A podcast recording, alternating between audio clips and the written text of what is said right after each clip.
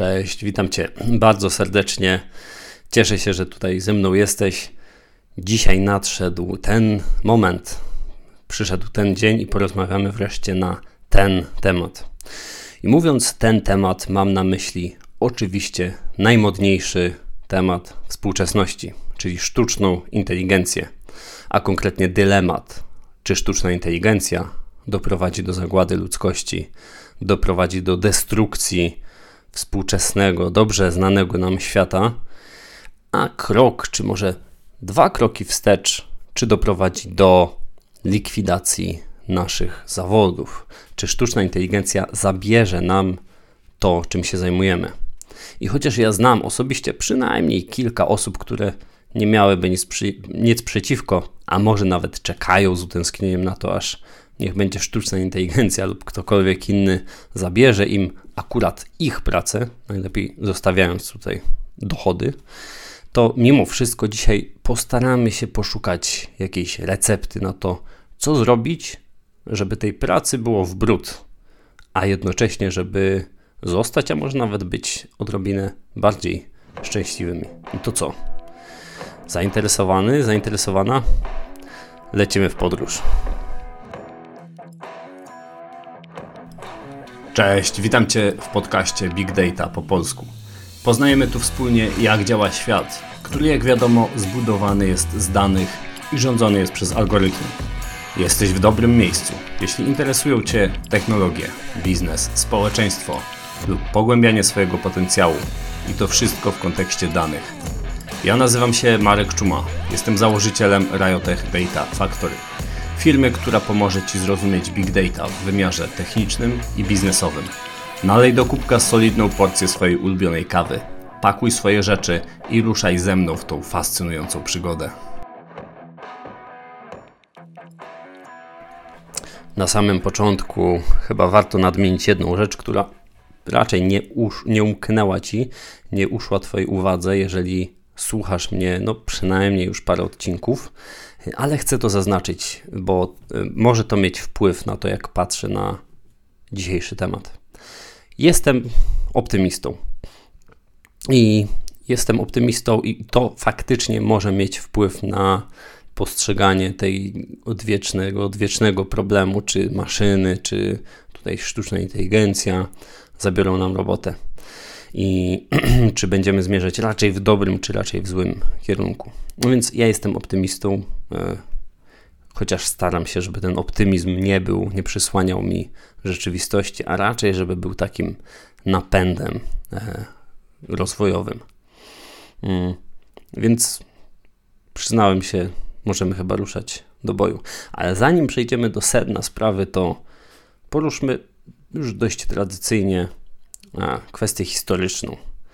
Bo jeżeli mamy rozmawiać o zmianie świata z powodów technologicznych, to aż nie godzi się nie wspomnieć o tym, jak wyglądało to w przeszłości. I oczywiście dosłownie minutka, nie więcej. Natomiast warto tutaj przytoczyć, że od XVIII wieku, gdzie to się zaczęło w Anglii, mamy do czynienia z tak zwanymi e, rewolucjami przemysłowymi, czyli takimi bardzo drastycznymi zmianami społeczno-technologiczno-gospodarczymi, które mm, no właśnie mają swój, swój początek w jakichś wynalazkach, mają swój początek w jakichś innowacjach, ale zdecydowanie wkraczają w życie społeczne i zmieniają to życie społeczne. I mm, zaczęło się od zdjęcia z rąk ludzi i z grzbietów e, zwierząt, e, takiej ciężkiej, bardzo mozolnej, mm, wysiłkowej, fizycznej pracy.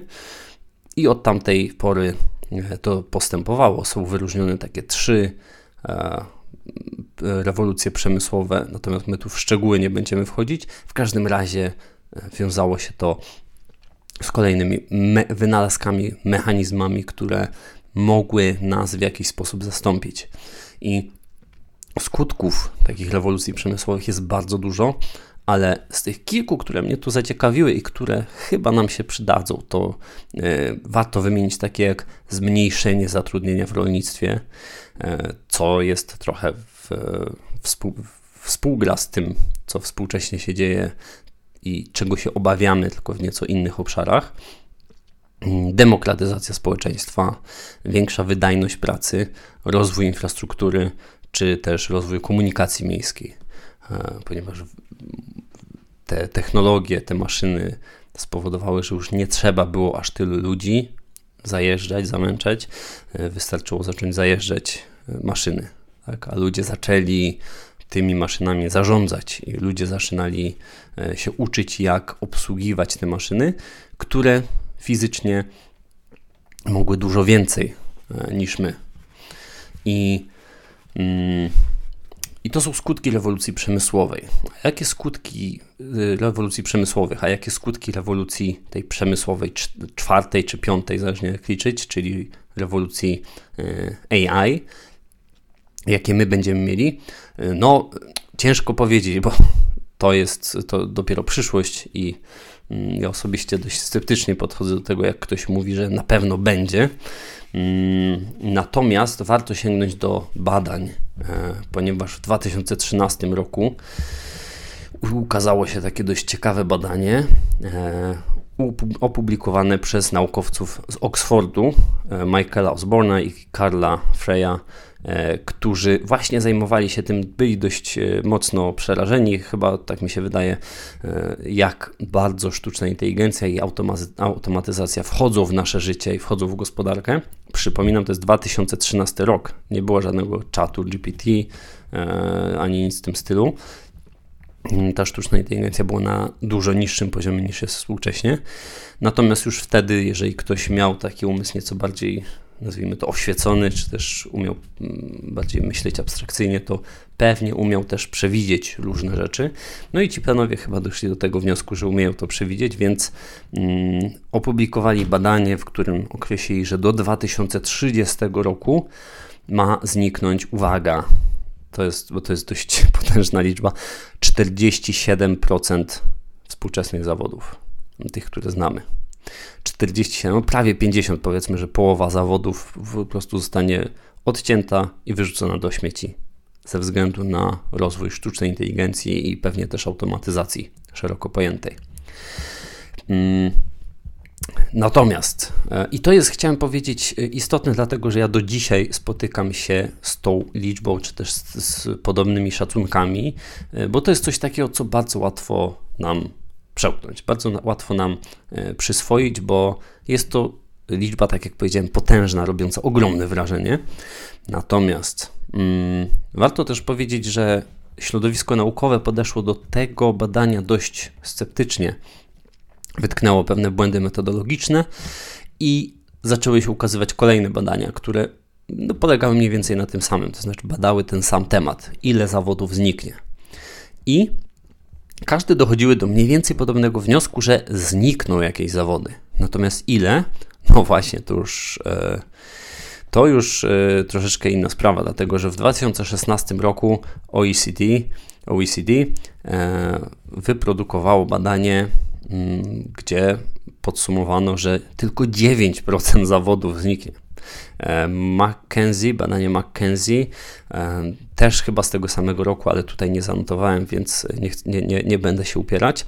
5%, tylko 5% i kolejne badanie OECD e, z 2021 roku, czy już najbardziej świeże, liczby te trochę lub dość mocno podnosi, bo to jest już 14% zawodów, które może zniknąć ze względu na sztuczną inteligencję. Zauważmy jednak, rozpiętość między 5% a 14% to jest zupełnie co innego niż połowa zawodów. E, I warto mieć to na uwadze, kiedy myślimy o jakichś bardzo jasno kategorycznych, e, jasno, jasno doprecyzowanych, takich kategorycznych osądach odnośnie tego, jak będzie wyglądała przyszłość. Nie wiemy, jak będzie wyglądała przyszłość, natomiast stwierdzenie, że połowy zawodów nie będzie, no, y, zwykle nie jest poparte czymś y, niezwykle konkretnym. Mm, no dobrze, to tyle jeśli chodzi o historię i potencjalnie historię, która wchodzi w teraźniejszość. Natomiast teraz zastanówmy się nad tym, nad tym konkretnym naszym tematem dzisiejszego odcinka. I zacznijmy od takiego pytania: jak będzie wyglądała rewolucja sztucznej inteligencji. Mm, jeszcze nie będziemy myśleli na temat tego, jak będzie wyglądał ten nowy świat, który e, rewolucja sztucznej inteligencji przyniesie, ani jak na to się przygotować. Na razie się zastanówmy, jak to będzie wyglądać. Co to w ogóle zmieni? E, co sztuczna inteligencja nam da, może dać, a co może zabrać? Mm, I przede wszystkim, w czym ona jest inna niż te wcześniejsze rewolucje przemysłowe, ponieważ niezwykle często spotykam się z takim porównywaniem rewolucji przemysłowych do rewolucji sztucznej inteligencji, ale e, bardzo rzadko się zastanawiamy, czym się różni. I oczywiście na pewno nie wyczerpię teraz tematu, ale kilka punktów, czym może się różnić. E, tylko na samym początku chciałem wspomnieć, że mówiąc ta piąta czy czwarta, czy któraś rewolucja przemysłowa, tudzież rewolucja AI. Nie mam na myśli samej sztucznej inteligencji w rozumieniu takim, jak dzisiaj najczęściej rozumiemy, czyli to, że możemy wejść na chat GPT i porozmawiać sobie um, z botem i jesteśmy zachwyceni tym, jak on pięknie może różne rzeczy dla nas y, y, zrobić. Tylko mowa też o maszynach, o ciężkich sprzętach, o automatyzacji, o samochodach e, autonomicznych, tak, o smart city i tak dalej, i tak dalej, czyli sztuczna inteligencja, która wchodzi w zupełnie inny też, inne też obszary niż tylko taki interfejs e, komputer-człowiek. Mm, ale w czym się będzie różnić? Pierwsza, najważniejsza rzecz. Te wcześniejsze E, przemysłowe rewolucje zastępowały zawsze jedną określoną grupę ludzi, czyli e, tak zwane niebieskie kołnierzyki, ludzi, którzy byli zatrudnieni w sektorach, gdzie liczyła się praca ich mięśni. E, to byli pracownicy fizyczni, robotnicy różnego rodzaju. I tu jest inaczej. Z tego, co na razie widzimy, wygląda na to, że sztuczna inteligencja w dużej mierze uderzy w ludzi, którzy mają e, właśnie prace intelektualne, prace kreatywne, a nie tylko kreatywne, ale ogólnie intelektualne. E, wszelkiego rodzaju marketerzy, wszelkiego rodzaju copywriterzy, jak najbardziej tutaj mają się czego bać, a nawet programiści, czyli moja działka, e, jak najbardziej też mamy co nad czym myśleć. Natomiast czy tylko tacy ludzie? No właśnie nie. To, że uderzy w te branże kreatywne, intelektualne, to nie znaczy, że nie uderzy w inne.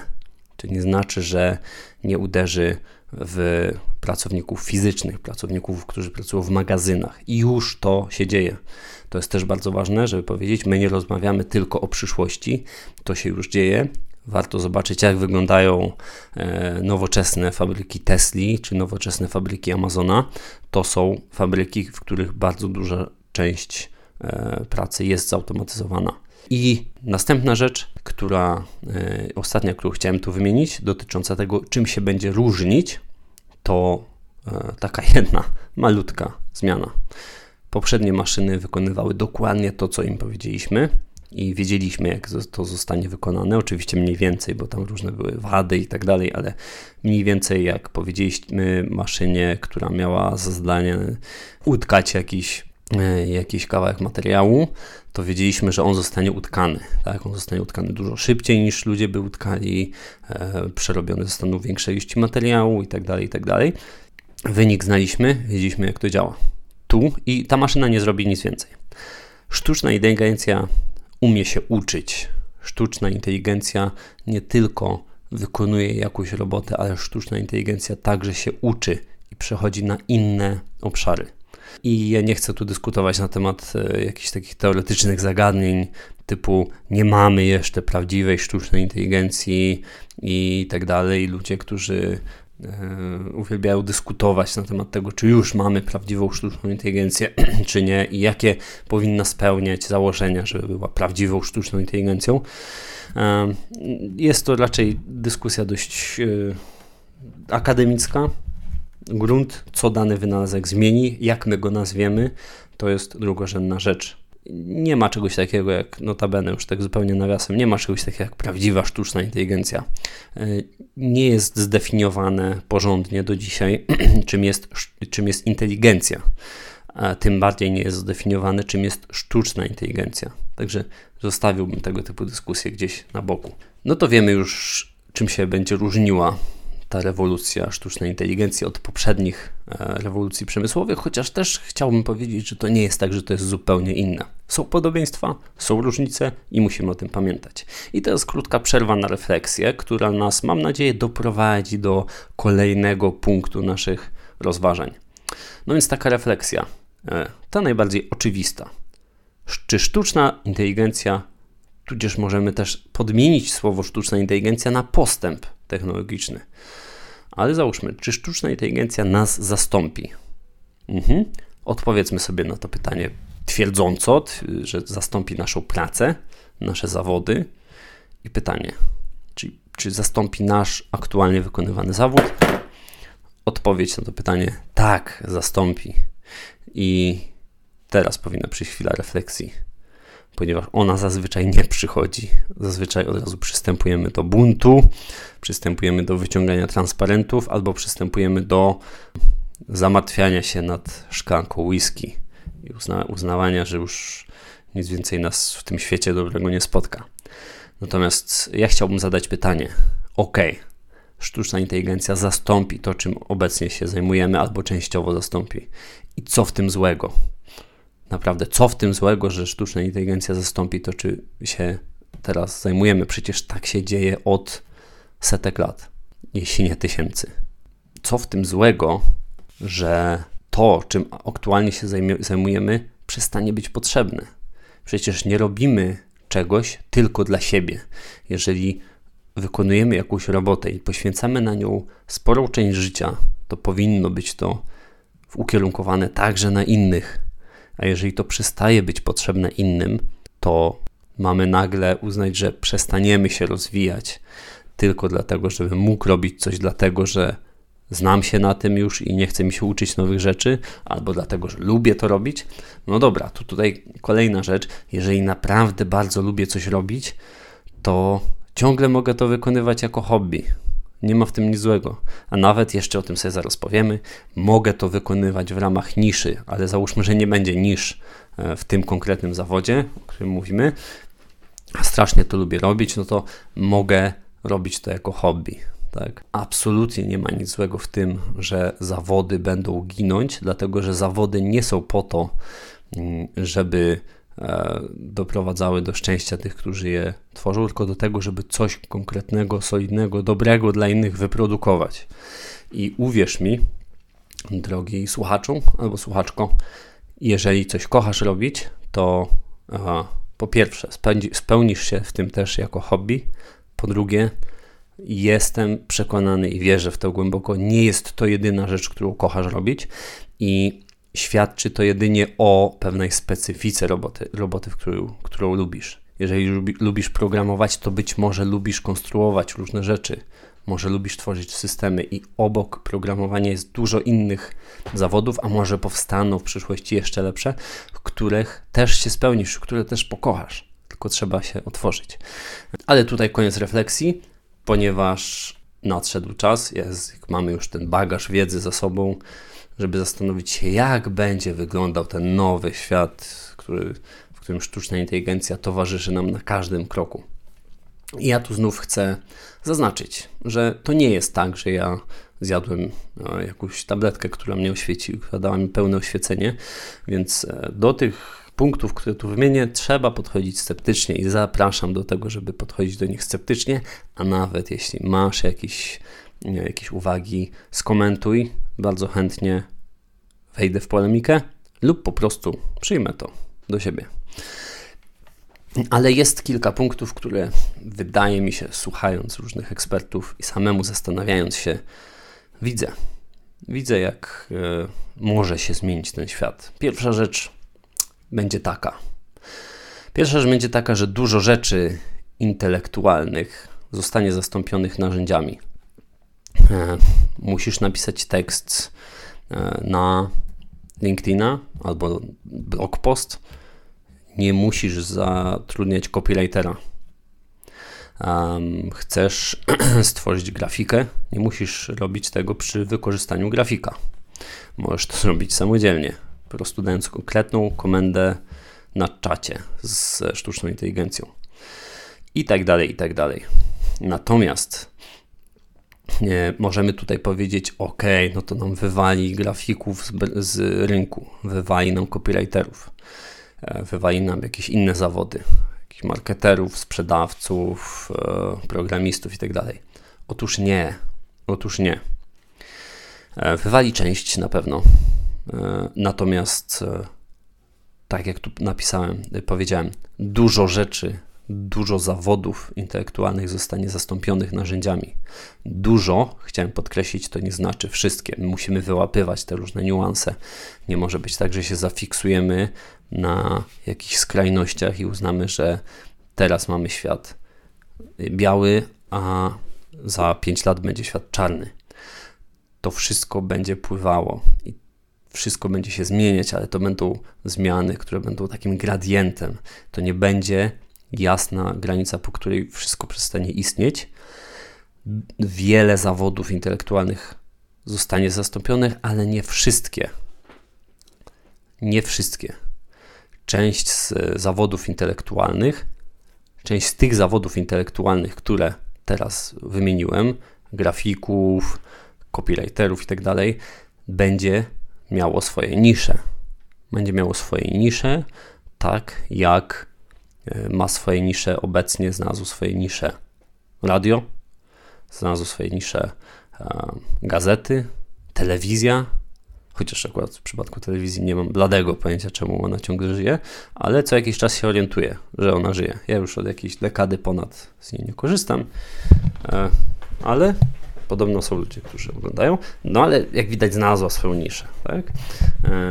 Podobnie jak nawet takie rzeczy jak żywność ekologiczna, żywność taka prosto od rolnika, e, która jest droższa notabene, więc rolnik też może sobie zarobić więcej, taki, który jest przedsiębiorczy, który jest w stanie się e, poświęcić temu, żeby też wejść odpowiednio na rynek i tak dalej, i tak dalej. Do tego też przejdziemy.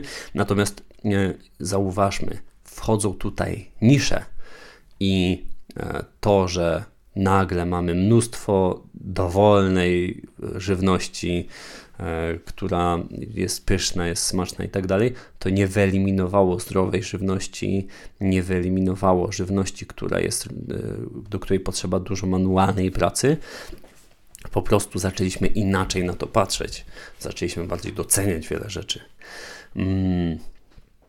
Świat będzie się zmieniał jeszcze bardziej dynamicznie. To jest kolejna rzecz nie będzie, skoro, jeżeli sztuczna inteligencja jest w stanie zrobić za nas dużo rzeczy, które wcześniej kosztowały czas, już pomijam, że pracę czy wysiłek, ale to jest najważniejsze, że czas, to w tym momencie po prostu wszystko zacznie nabierać tempa.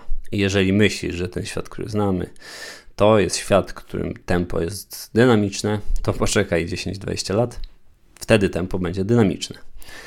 E, I naprawdę wtedy wszystko się będzie zmieniało i produktów będzie bardzo, bardzo dużo, będzie dużo więcej e, idei się będzie pojawiało dużo więcej mm, i ten świat będzie naprawdę bardzo, bardzo dynamiczny.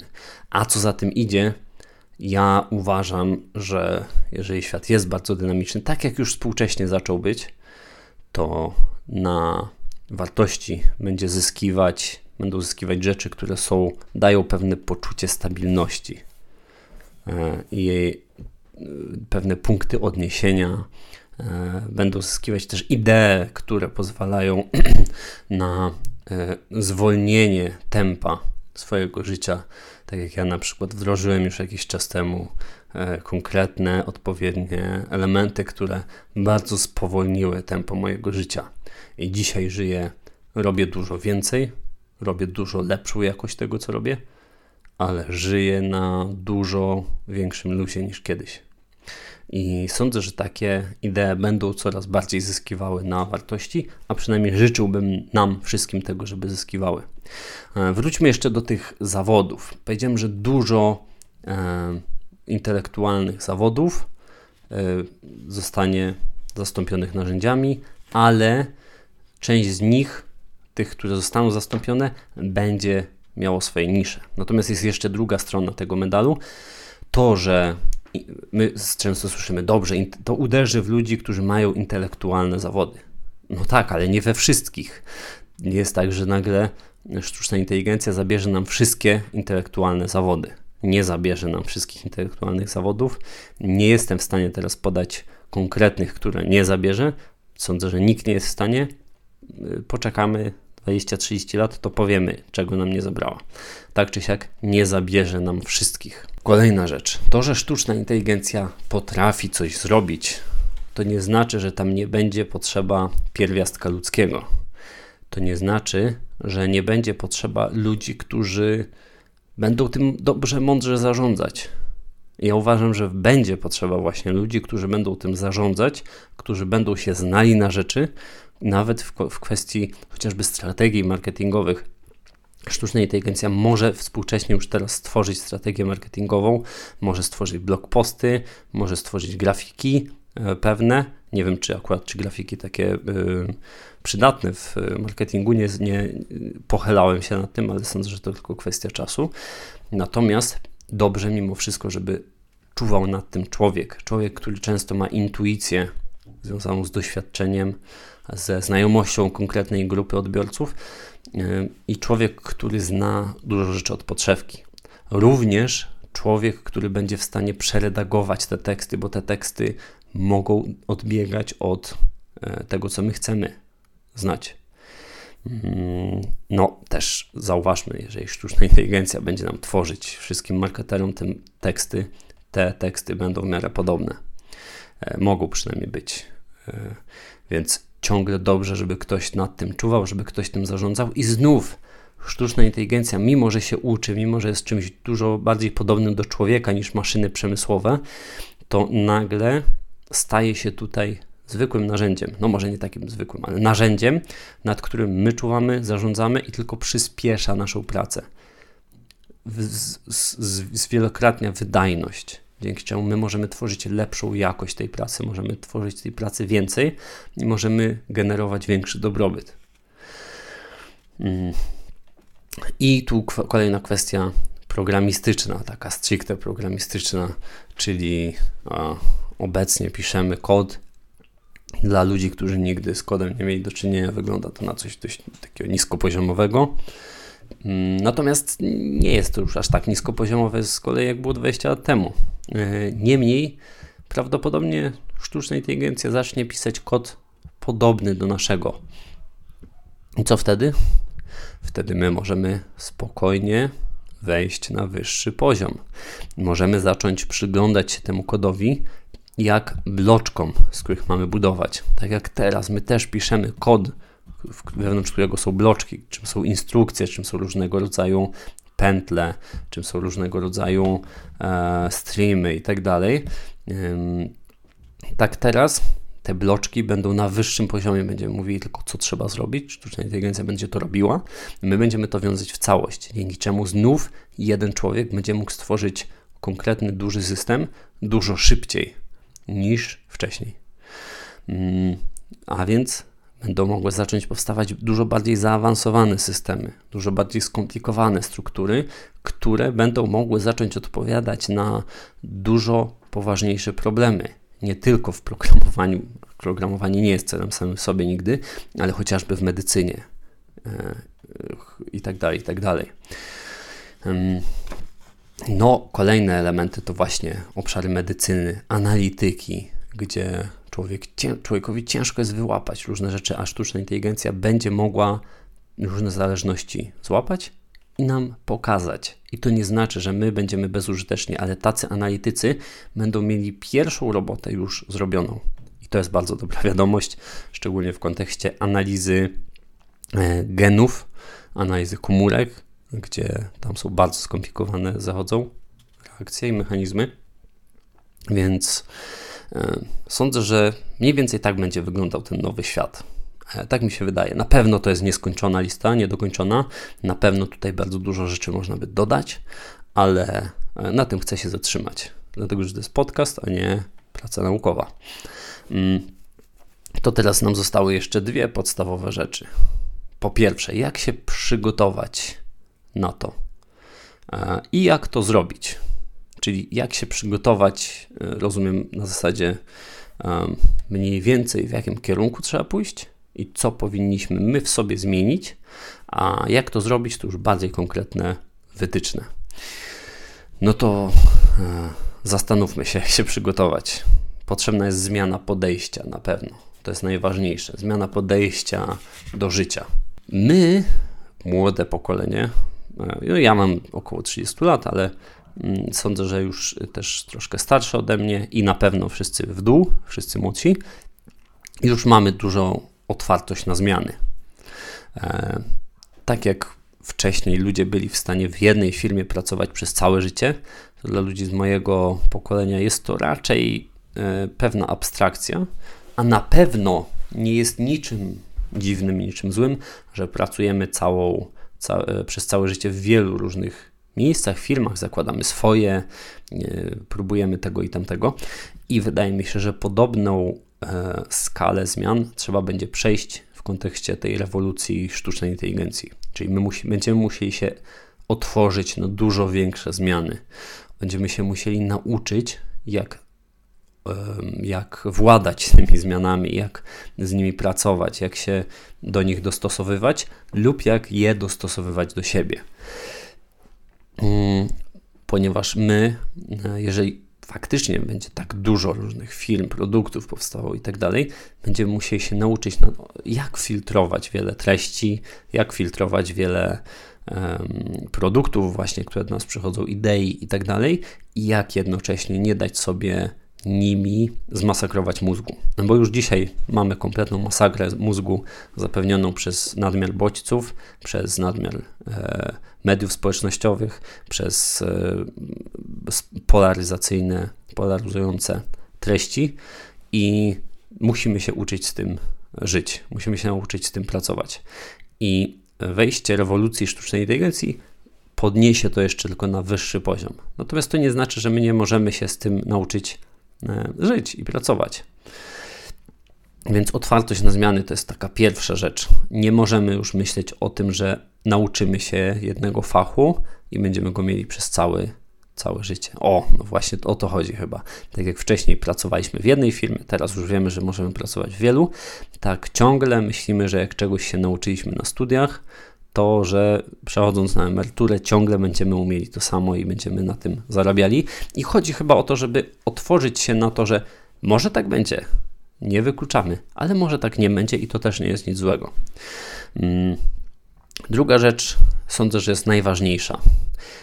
Sądzę, że musimy zacząć myśleć o tym, co chcę zrobić, co chcę zbudować w tym świecie, w swoim życiu, a nie jaki chce wykonywać zawód.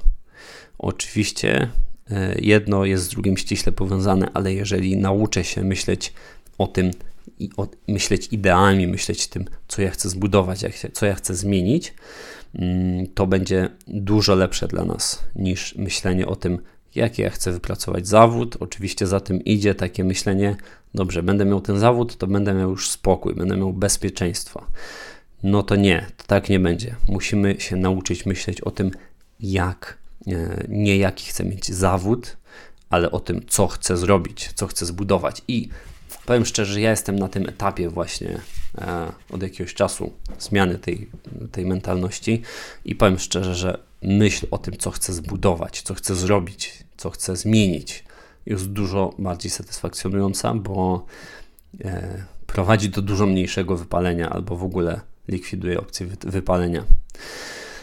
E, kolejna rzecz w zmianie podejścia to ciągła edukacja.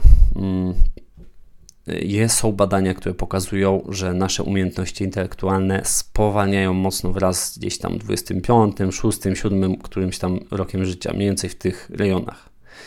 E, zastanówmy się, kiedy kończymy edukację. No właśnie. Kończymy edukację w, gdzieś w okolicach 20 któregoś roku życia jeżeli nie idziemy na studia, to wcześniej. I po tym czasie dla wielu osób kwestia edukacji zamyka się. Co najwyżej odpalu sobie jakiś podcast, żeby mieć e, takie złudne poczucie, że czegoś się uczą. Tymczasem my musimy się uczyć całe życie i musimy się uczyć rzeczy najlepiej sensownych, ale generalnie musimy e, poddawać mózg ciągłym zmianom, ciągłym, ciągłej nauce, ciągłej stymulacji, takiej pozytywnej stymulacji. Więc musimy się nastawić na to, że ciągle się uczymy. Jeżeli świat ciągle się zmienia, to my się ciągle uczymy. I najlepiej będzie dla nas, jeśli znajdziemy w tym frajdę. Bo też nie chodzi o to, żeby ciągle nadążać za zmianami, wejść w taki pęd, że ja nie wiem, zaraz znowu się coś zmieni, ja zaraz znowu nie będę czegoś wiedzieć i tak dalej, i tak dalej. Nie. Uczmy się różnych rzeczy, które nas pasjonują, które nas fascynują i jestem przekonany, że dla każdego znajdzie się miejsce. Ale nastawmy się, że edukacja formalna to nie jest koniec nauki. Mm, I co na koniec, jeśli chodzi o zmianę podejścia, mój ulubiony, mój ulubiony punkt, czyli pozytywne podejście do życia. To jest bardzo ważne, bo kiedy mamy pozytywne podejście do życia, jeżeli patrzymy na świat pogodnie, jeżeli patrzymy na innych ludzi pogodnie, to dużo łatwiej też inne rzeczy, te wcześniejsze, zrobić. Dużo łatwiej jest się otworzyć na zmiany, jeżeli patrzymy pogodnie na innych ludzi, przyjąć to, co oni mówią, zainspirować się tym. E, jeżeli patrzymy pogodnie na życie, to dużo i na ludzi, to dużo lepiej, dużo łatwiej nam jest myśleć o tym, jak chcemy coś zmienić dla innych, tak żeby było im lepiej, tak żeby było im dobrze. Dużo lepiej, dużo łatwiej jest e, wtedy coś budować, dużo łatwiej jest się uczyć czegoś, bo mamy taki pozytywny drive, że ja chcę, ja chcę coś poznać, ja chcę się czegoś nauczyć, jestem ciekawy tego świata. A, zamiast przesiadywać w smartfonie godzinami na Facebooku i konsumować jakieś miałkie treści, ja wolę przysiąść się nad jakimś dłuższym artykułem, a później porozmawiać o tym z żoną. To jest dużo fajniejsze niż e, siedzenie, przeglądanie memów albo przeglądanie e, tworzących toksyczne emocje wpisów na mediach społecznościowych. Wolę się czegoś dowiedzieć, wolę to zastosować w życiu, albo po prostu jako ciekawostką podzielić się z bliskimi podczas obiadu. Więc pozytywne podejście do życia, energia to jest kolejna rzecz, jeśli chodzi o zmianę podejścia. I przechodzimy do sedna sprawy. 37 minuta, jak patrzę. Przechodzimy do pytania, które jest tematem dzisiejszego odcinka, czyli jak to zrobić, jak przygotować się na dominację sztucznej inteligencji. Mówiąc, to zastosowałem to słowo dominację, bo to tak pięknie, znaczy może nie pięknie, ale tak e, dość e, imponująco brzmi. Natomiast chodzi mi o wejście sztucznej inteligencji takie wszędobylskie. Tak, sztuczna inteligencja naprawdę jest w każdym aspekcie naszego życia i z nią żyjemy. No to dobra, to jak to zrobić? I tu chciałbym też powiedzieć, że to nie jest praca naukowa, mm, więc proszę to traktować z pewnym sceptycyzmem i zaproszeniem do dyskusji bardziej niż próbą wałkowania jedynie słusznej teorii.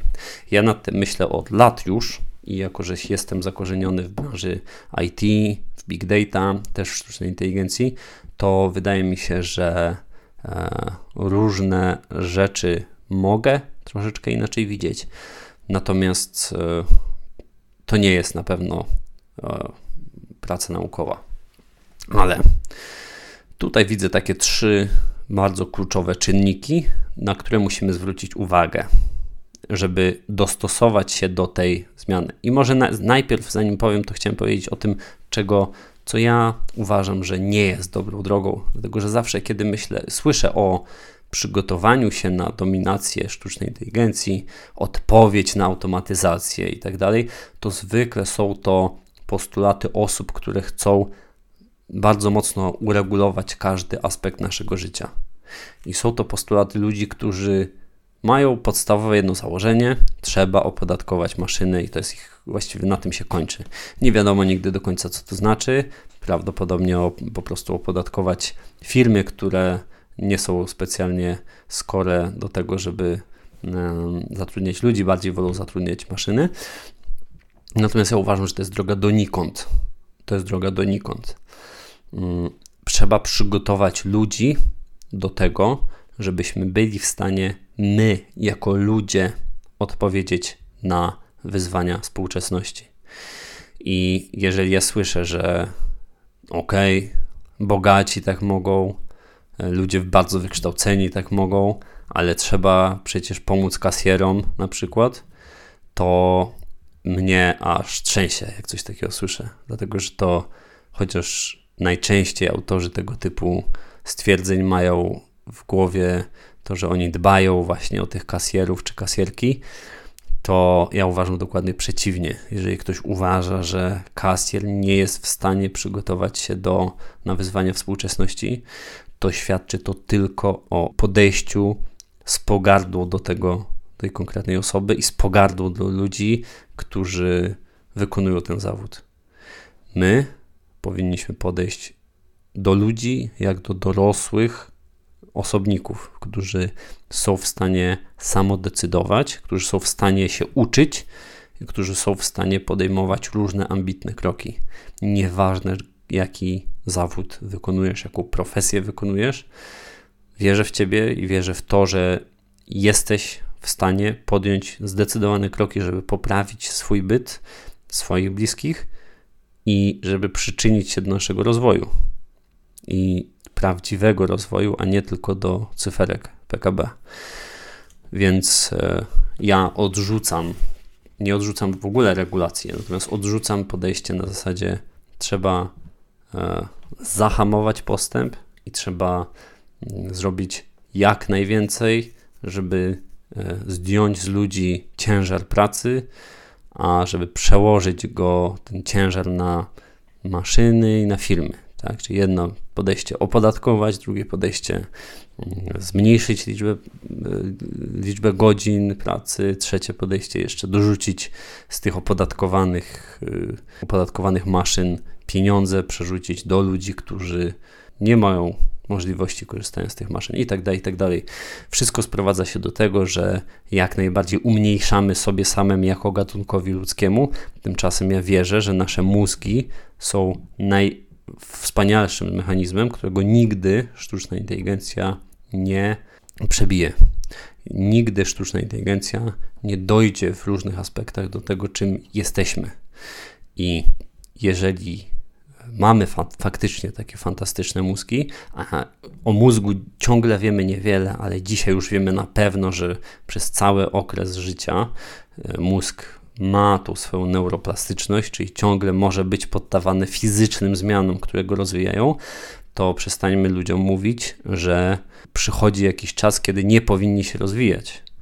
Powinni się rozwijać przez cały czas życia, bo życie nie polega na wegetacji. Więc e, to w kilku słowach tego, co odrzucam. Natomiast jak to zrobić? Trzy kluczowe czynniki, które ja uważam, że powinny zostać rozwinięte i co ciekawe, to się pokrywa bardzo z tym, co my powinniśmy indywidualnie robić, czyli możemy zrobić po prostu każdy ja i ty i, i twój kolega. I to, co może być robione państwowo, czy też szerzej mówiąc systemowo. Trzy kluczowe czynniki. Pierwszy praca nad sobą. No to akurat może być robione głównie indywidualnie. Drugi edukacja. Trzeci finanse. I już wszystko. E, finanse mam tu na myśli finanse osobiste i już to wszystko rozbiłem na czynniki pierwsze. Zajmijmy się najpierw pracą nad sobą.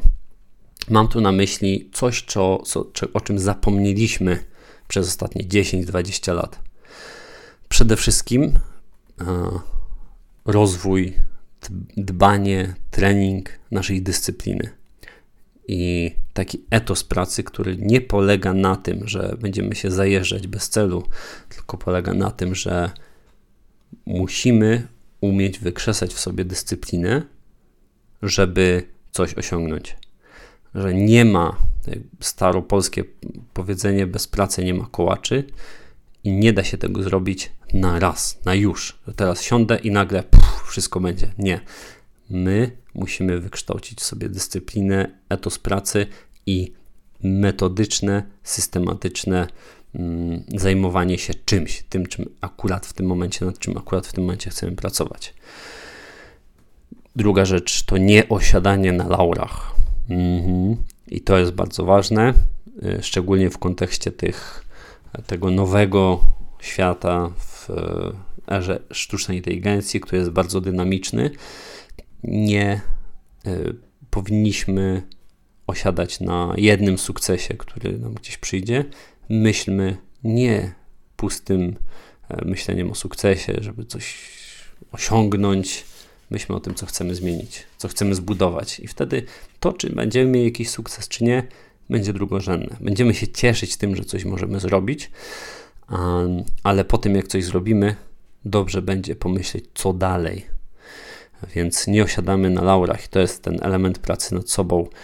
Umiejętność odraczania gratyfikacji. To jest jedna z ważniejszych, jedno z ważniejszych elementów pracy nad sobą, bardzo związany z dyscypliną. To, żebyśmy umieli od, opóźnić przyjemność na rzecz e, osiągnięcia czegoś większego.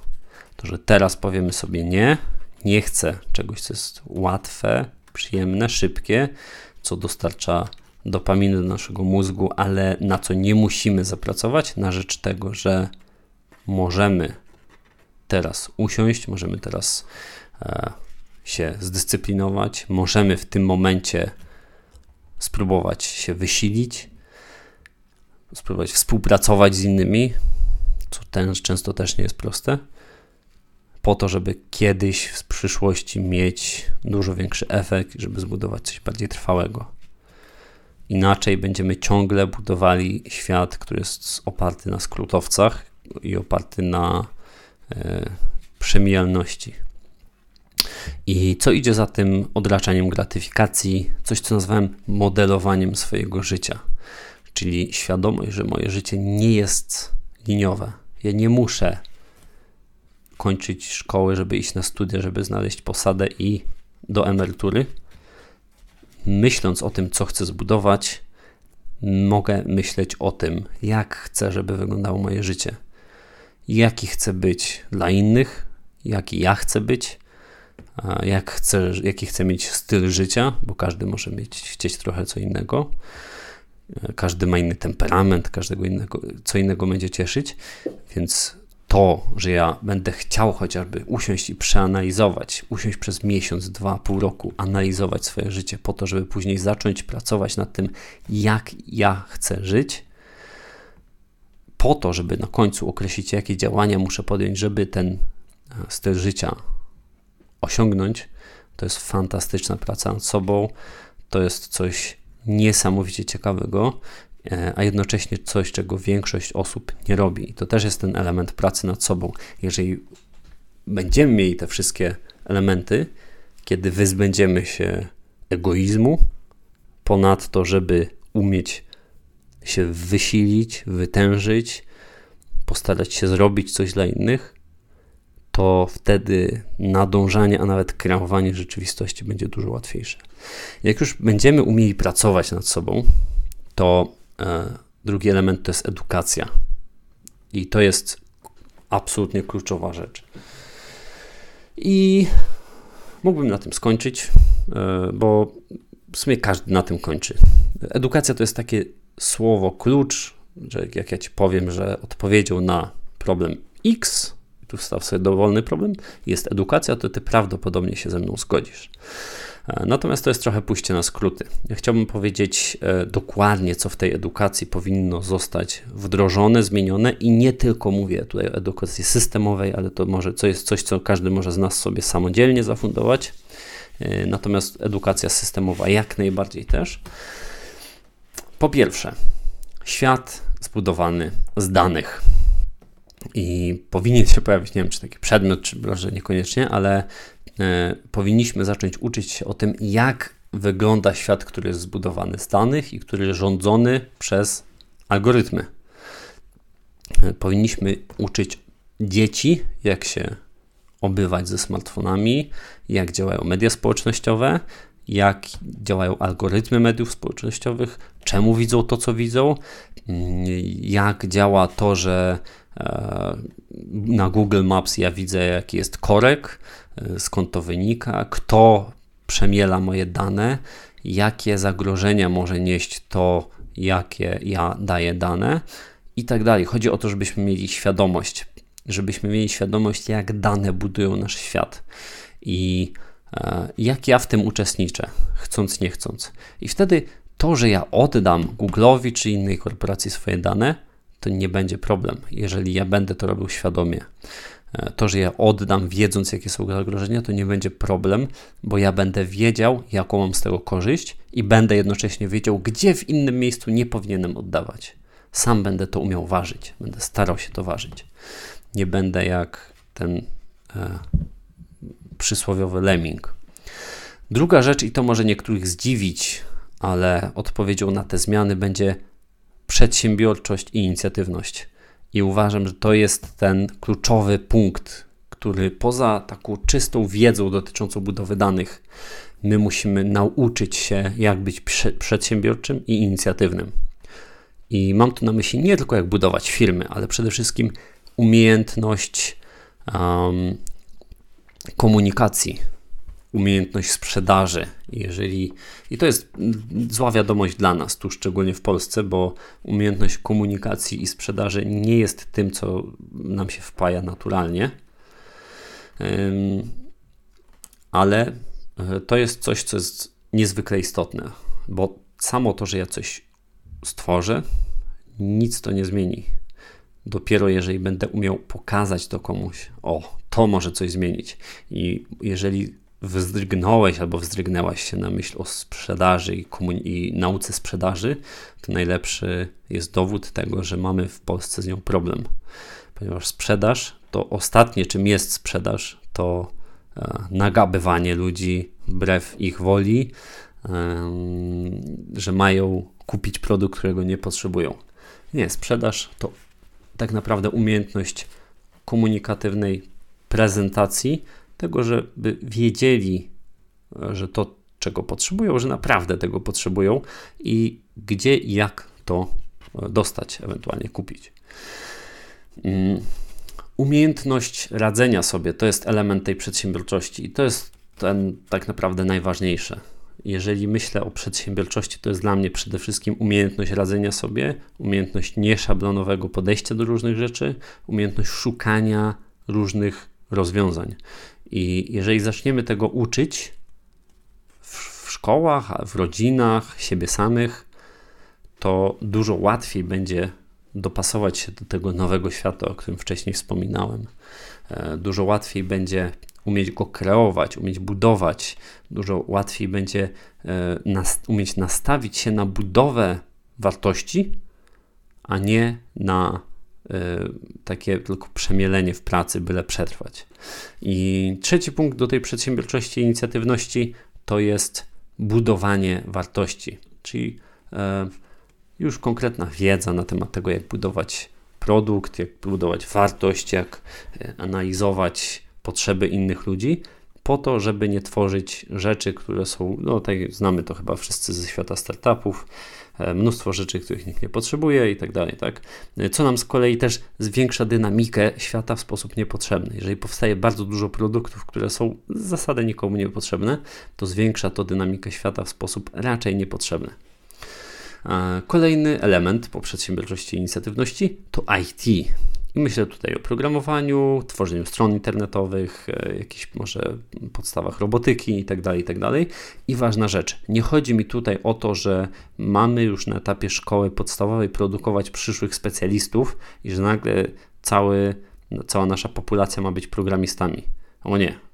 E, chodzi tutaj o to, żeby zbudować taki fundament tego, jak to działa.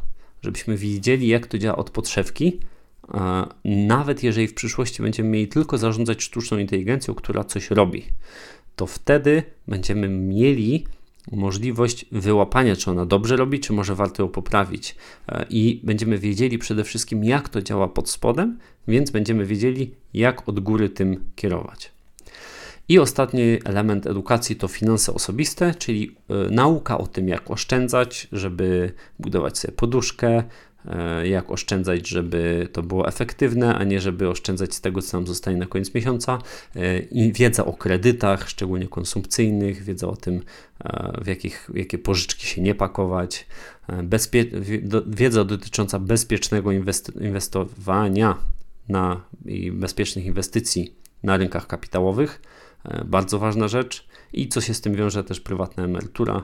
My mamy trochę problem jeszcze w Polsce z tym e, rynkiem kapitałowym, a warto, żeby więcej osób go poznało i żeby wiedziało, jak e, robić to, cudzysłów ujmijmy, bezpiecznie. Tak? Nie chodzi o zupełne bezpieczeństwo, natomiast jak unikać różnego rodzaju spekulatywnych, e, z góry podejrzanych, dziwnych ruchów. I finanse osobiste są niezwykle istotne,